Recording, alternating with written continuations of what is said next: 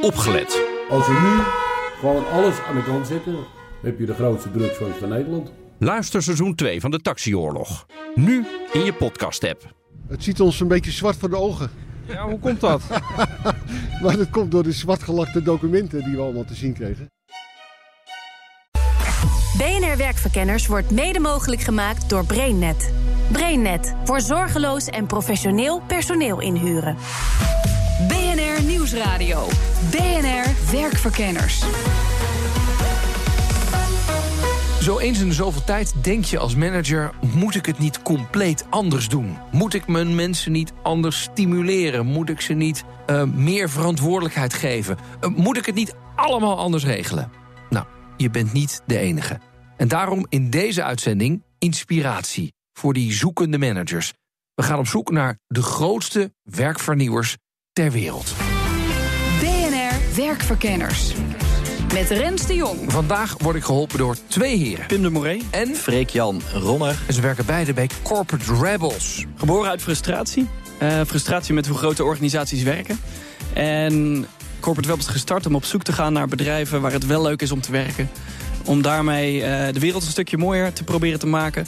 En uh, in ieder geval de, de werkende wereld, als het ware. En daarom reizen ze nu de wereld over om inspirerende bedrijven en CEO's te bezoeken. We hebben een bucketlist opgesteld met bedrijven uh, en personen die wij wilden spreken over heel de wereld.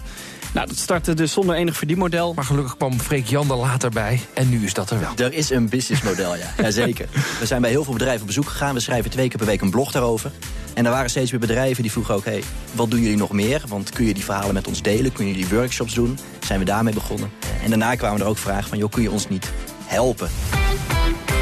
Pim en Freek Jan hebben een lijst gemaakt... van de zeven meest inspirerende bedrijven wat hen betreft. Maar die lijst is geen hitlijst. Telt niet van 7 naar 1. Willen ze niet aan. Alleen al onderling krijgen komen we daar niet uit. Oh ja? Is dat zo? Maak je ruzie over wie er hoger moet staan dan de ander? Freek? Freek Jan? Ik, ik, kan, ik kan wel zeggen dat wij, uh, wij kijken naar verschillende trends. Wij zien verschillende dingen gebeuren in de wereld. Ja. En zoals iedereen dat heeft, voor de ene trend is voor de een belangrijker dan dat voor de ander is. Dat is precies de reden waarom we die, uh, die inspiratie uh, delen en dus geen top 10 lijstjes maken. Je kunt namelijk van heel veel organisaties iets leren. Al hoeft het niet per se de meest inspirerende organisatie ter wereld te zijn. Ja, zeg nou zelf, toch een beetje jammer. Ik wil graag weten wie de beste is. Maar goed, zal wel aan mij liggen. Ik heb wel een oplossing. Nadat we hebben afgeteld, maak ik dan gewoon mijn persoonlijke top 3 bekend. Is dat ook weer geregeld? Maar voordat we beginnen, valt me wel iets op. De grote Ricardo Sembler staat niet in hun selectie. Hoe kan dat? Omdat we hem nog niet bezocht hebben. Uh, simpelweg. Hij staat op de lijst. Hij staat op de bucketlist van personen die we dus willen spreken. Um, en we verwachten hem binnen nu een aantal maanden te spreken. Um, maar zolang we het niet uh, met eigen ogen hebben gezien... en ook de organisatie niet en de medewerkers niet hebben gesproken... Uh, gaan we hem absoluut niet in uh, lijstjes zetten. Waarom eigenlijk niet? Omdat je het eerst wil geverifieerd hebben of het echt klopt allemaal? Er zijn zoveel mooie verhalen in boeken, in interviews, et cetera. wij zijn drie engineers. we hebben niet gestudeerd voor HR en helemaal niet voor organisatieontwikkeling.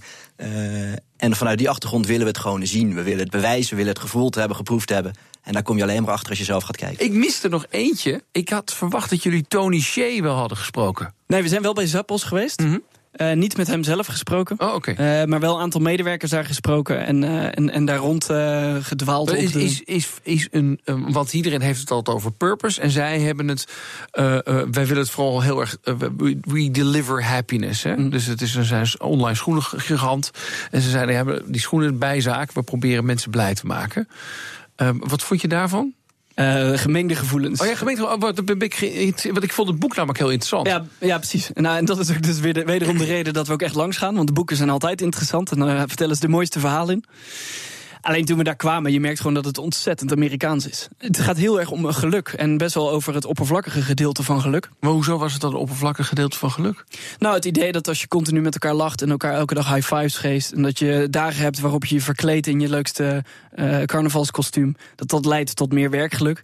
Ja, daar geloven wij niet zo heel erg in. Goed, jongens, laten we eens even kijken naar jullie bucketlist. Um, de eerste waar ik het over wilde hebben is het bedrijf Patagonia. Nummer 7. Patagonia is een bedrijf die maken uh, outdoor kleding en, uh, en andere uh, equipment voor outdoors. Bijvoorbeeld als je dus van bergbeklimmen houdt of van kano... dan kun je bij Patagonia kleding en andere attributen daarvoor kopen. Uh, Patagonia is een hele inspirerende organisatie. En voornamelijk eigenlijk als het aankomt op uh, hun purpose. Dus uh, waarom zij als organisatie bestaan. is niet simpelweg om geld te verdienen door kleding en dergelijke te verkopen. Maar um, door goede producten te maken, maar tegelijkertijd geen onnodig, niet onnodig het milieu te vervuilen. Mm -hmm. Nou, en als kledingproducent is dat lastig. Um, en zij, waarom Patagonia inspirerend is, ze zeggen het niet alleen, maar ze doen het vooral ook. Dus waar heel veel organisaties zeggen wij zijn uh, purpose-driven en dat is voor ons het belangrijkste. Maar als het op het geld aankomt, dan kiezen ze toch vaak voor het geld. Ja, precies, want dat, dat, dat is mijn gevoel ook. Hè. Ja. Uh, Simon Sinek, hebben jullie al geïnterviewd of nog niet? Hebben we geïnterviewd. Ja, dus, ja. He, dus de man achter uh, die, die, die, die purpose-hype er, er helemaal in gegooid heeft. En nu hoor ik elke CEO over purpose. En af en toe denk ik, ja, is dit nou hebben we nou een workshop gehad of is het echt? Hoe maak ik het onderscheid? Nou, bijvoorbeeld te geven, we zijn er de dag begonnen. Voordat we de interviews met alle mensen, medewerkers hebben gedaan, uh, zijn we gaan surfen met ze. Waarom? Omdat dat is, uh, de, dat is de reden waarom het bedrijf ooit begonnen is. Ze wilden een organisatie zo inrichten dat er mensen uh, konden werken die van de outdoors houden. Mm -hmm. um, hij zei, maar dat is wel belangrijk dat als er goede golven zijn, uh, dat mensen ook kunnen gaan. Want anders komt hier niemand werken die ook daadwerkelijk van de outdoors houdt. Uh, dus we moeten de organisatie zo inrichten dat surfers hier ook willen werken. En dat als er dus goede golven zijn, dat iedereen weg zou kunnen. Wauw.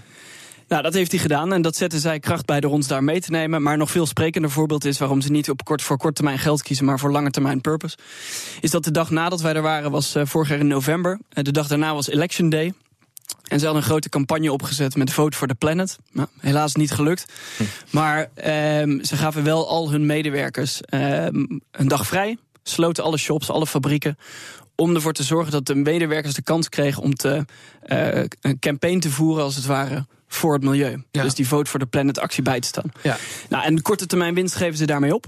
En laten zien dat ze het belangrijker vinden om daadwerkelijk hun mensen in te zetten om het milieu te verbeteren. Ja, er zijn weinig retailers die zeggen, uh, omdat wij zo'n purpose hebben, namelijk we moeten de planeet uh, netjes achterlaten, dat we een dag dicht gaan. En Ja, dat exact. hebben zij wel gedaan. Ja. Ik heb wat quotejes uh, van dit bedrijf gevonden. Onder andere deze. Volgens mij is dit van de oprichter. Komt ie. A great part of my life I've been climbing and fishing and hunting on public lands.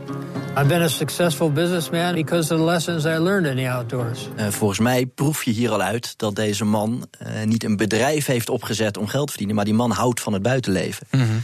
Uh, en dat is voor mij uh, iemand die iets doet waar die passie voor heeft, waar die voor gaat. En dat voel je door, die hele, door dat hele bedrijf. Nummer 6. Naar het Nederlandse advocatenkantoor Brugging en Van der Velde.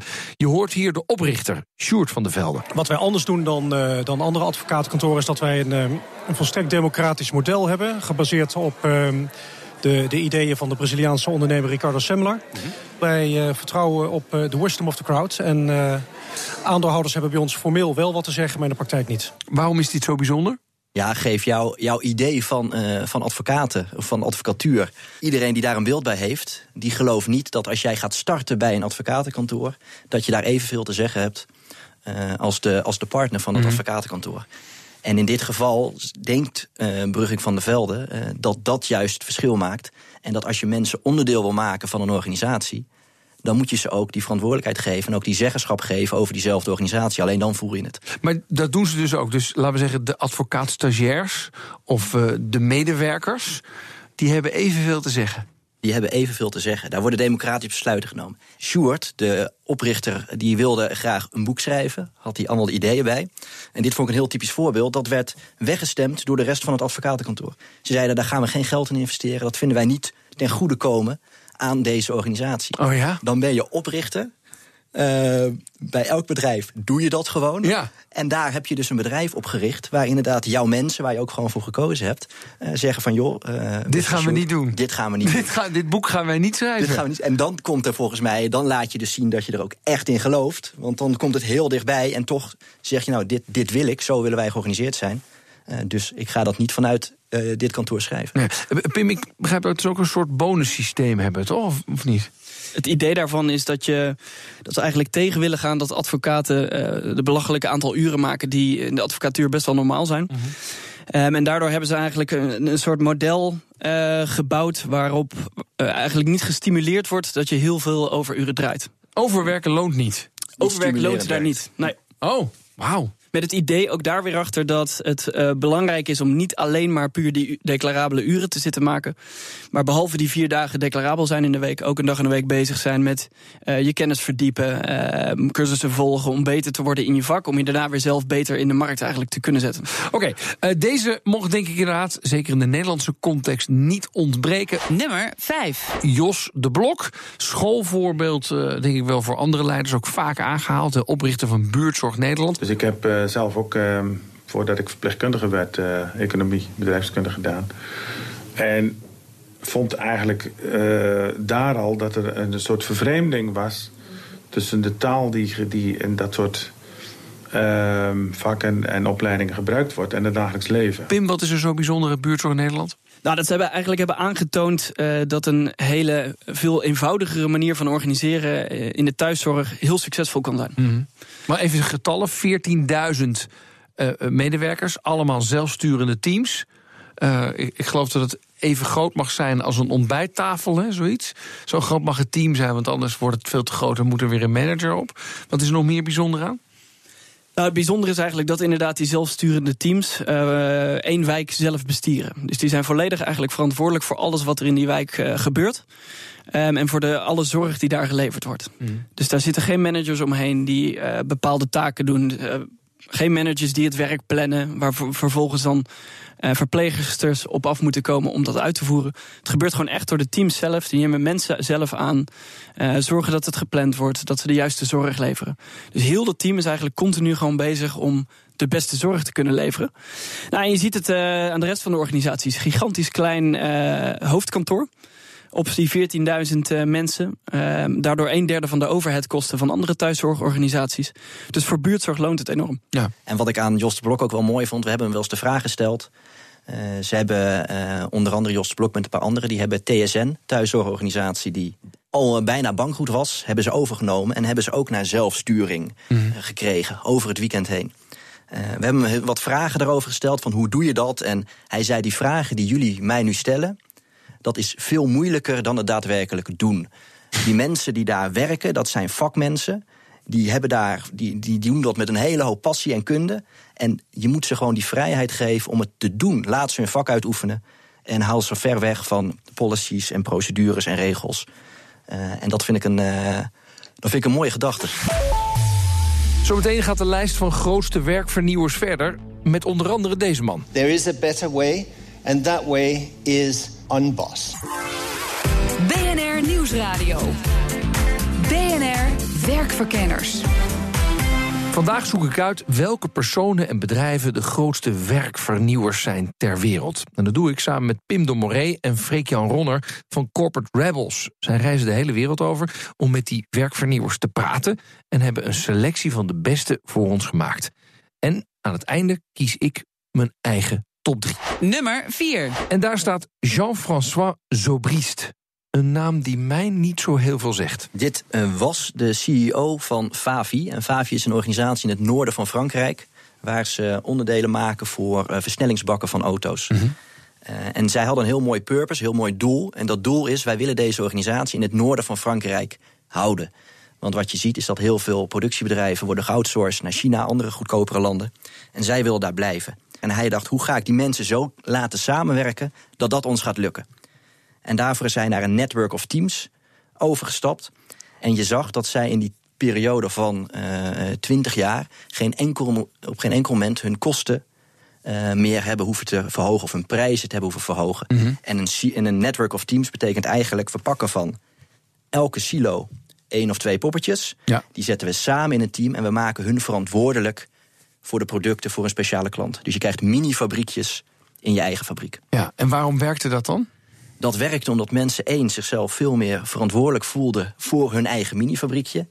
En twee, dat ze in één keer van elkaar ook zagen van hé, hey, wat doet inkoop eigenlijk? Ja. Als ik mijn product wil verkopen als verkoper, Hoe kan ik inkoop helpen om daar al betere producten te gaan inkopen? Hoe kan productie efficiënter gaan werken? Dus mensen helpen elkaar. Je ziet het wel vaak bij corporates. Hè? Dus sales verkoopt iets, heeft eigenlijk geen idee wat voor invloed dat heeft op de fabriek. Komt er veel fout, faalkosten uit en uiteindelijk, maar dat zie je nooit, uh, uh, gaat er meer geld uit dan dat er inkomt. Maar we weten dat nooit van elkaar omdat we in die silo's zitten. Je bent je eigen silo aan het optimaliseren. Ja. Exact. Ja. En het verhaal wat niet veel mensen van Favi weten, want Favi is bij, door Lalou bijvoorbeeld in Reinventing Mooi boek genoemd. Mhm.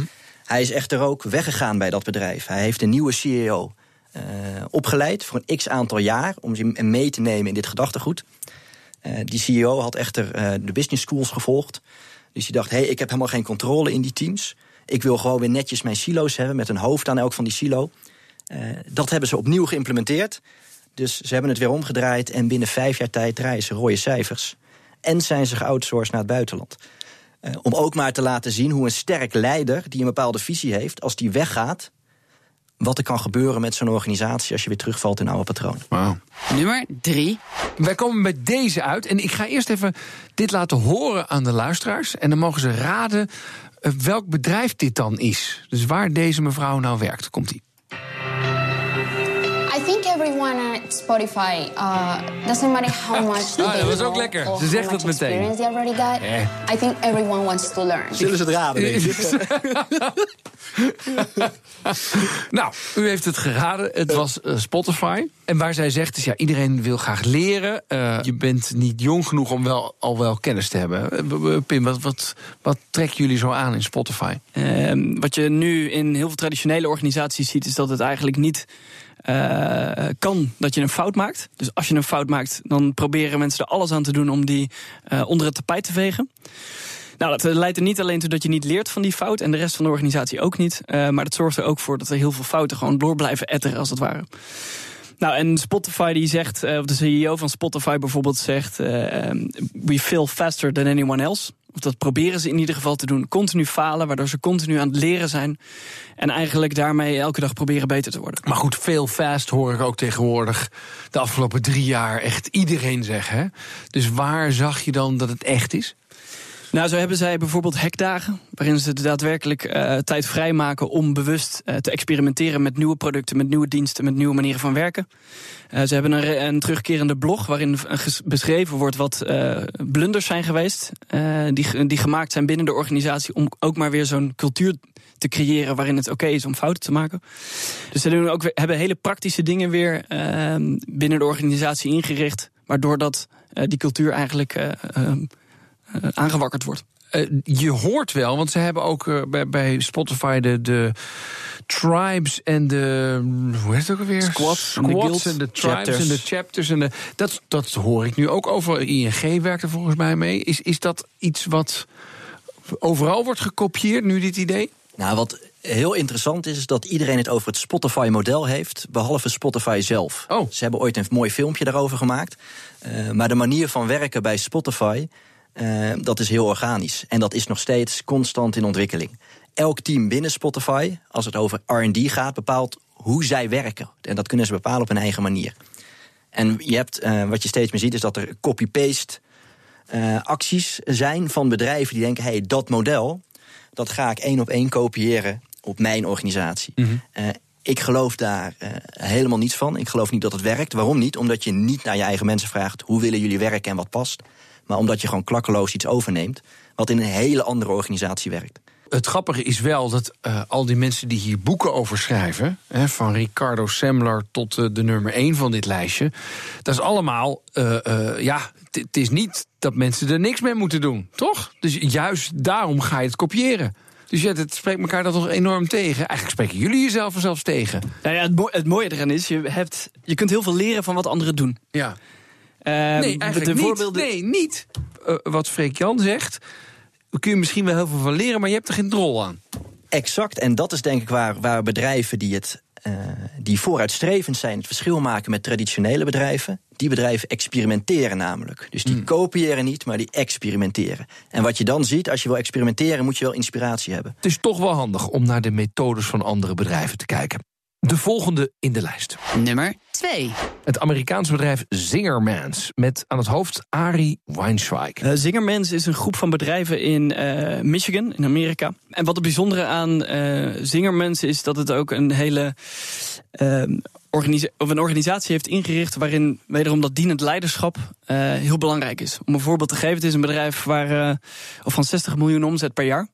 700 medewerkers. En uh, het verhaal ging voordat we daarheen gingen dat de CEO daar zo dienend is dat hij iedere avond in een van de restaurants uh, het water schenkt. Nou, in Amerika is dat uh, de laagst betaalde positie. En we kwamen daar binnen een dag voordat we eigenlijk hadden afgesproken om naar dat restaurant te gaan en te kijken of het waar was. En ja hoor, de eerste, eerste wat we zien toen we daar binnen kwamen lopen is Ari Weinzweig, de CEO. Uh, die daar in zijn zwarte shirt rondloopt zonder ook maar enigszins herkenbaar te zijn voor de rest. Uh, daar water aan het inschenken bij zijn gasten. Later vroegen we hem waarom hij dat deed. Um, enerzijds om dicht bij de klanten te staan. Dus om continu eigenlijk feedback te vragen over hoe zijn organisatie uh, werkt.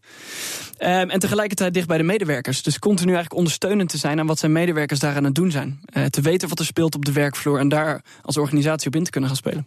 Ik heb af en toe het gevoel dat het voor de bühne is, maar misschien ben ik heel cynisch. Ik ga terug op de werkvloer en ik ga inderdaad het water inschenken. Dat doe je een aantal keren in je witte broodsweken. En, en daarna denk je, nou, ik weet het wel. En, en, en snap ik het eigenlijk ook wel. Want baas zijn van een club, dat is hartstikke hard werken. Je krijgt heel veel problemen op je af. Uh, dus je hebt liever elke dag dat je, dat je uh, um, echt belangrijke dingen kunt doen. Ik denk voor dienend leiderschap, want dit is wel een hele, hele interessante. Uh, als je de baas bent van een organisatie, heb je het inderdaad uh, super druk. Dat ja. kun je dus niet alleen oplossen. Nee. En de dienende leiders die vragen aan hun mensen, die draaien de piramide om.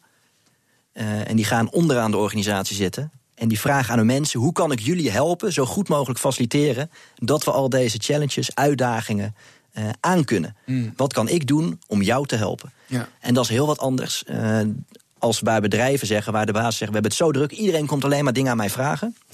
Uh, en ik moet alleen maar besluiten maken. Mensen staan nummertjes te trekken voor besluiten. Ja, dan ben je dus niet dienend bezig. Je, je roept het over jezelf af dat het allemaal naar je toe komt. Ja, eigenlijk zeg je, het dienend leiderschap is dan ook een soort bevrijding voor uh, heel veel bazen. Ik kan me voorstellen, als je echt dienend leiderschap vertoont, dat jij tijd hebt om glazen water in te schenken in jouw, in jouw organisatie. Ja. ja. Nummer 1. Dan gaan we naar de laatste in deze lijst. De nummer 1, Lars Kolind. There are people who do exactly what you've told them and are rewarded accordingly. That is an incredible waste of time and resources.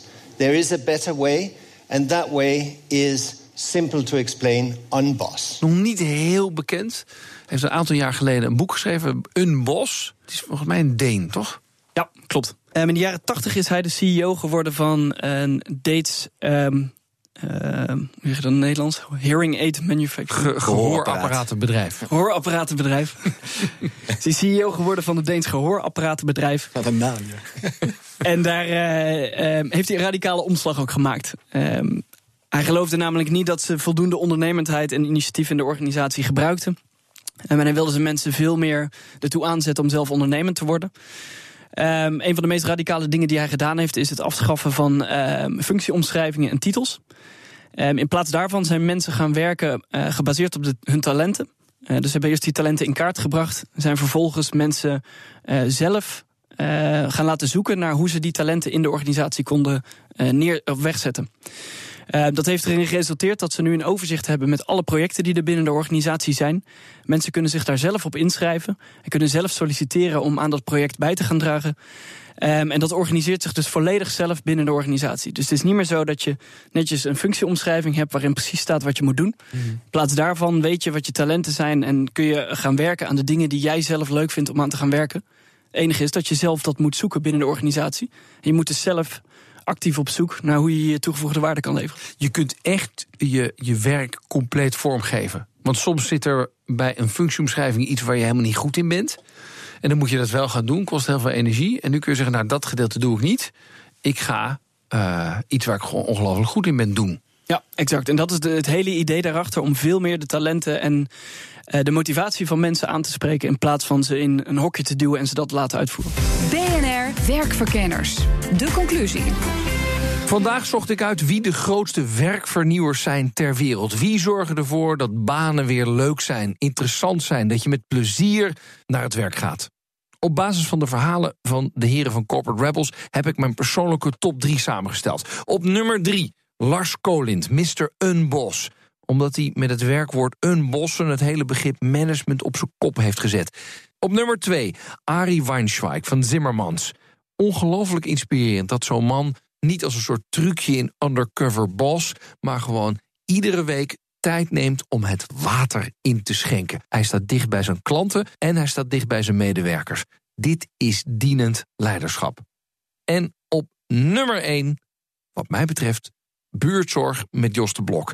Omdat hij heeft laten zien dat het in Nederland wel kan. Thuiszorg. Decentraal georganiseerd, weinig overhead, weinig regels, veel liefde en zeer tevreden klanten. Executie is the mother of all succes en Jos de Blok heeft laten zien dat het kan. En daarom is hij mijn nummer 1. Vond je deze uitzending nou leuk? Laat het ons even weten. En we hebben veel meer uitzendingen. Die staan allemaal als podcast op de BNR-app en natuurlijk in iTunes. Tot volgende keer.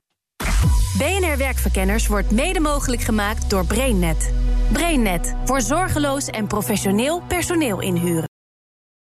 Ook Bas van Werven vind je in de BNR-app. Ja, je kunt live naar mij en Iwan luisteren tijdens de ochtendspits. Je krijgt een melding van Breaking News. En niet alleen onze podcast Ochtendnieuws, maar alle BNR-podcasts vind je in de app. Download nu de gratis BNR-app en blijf scherp.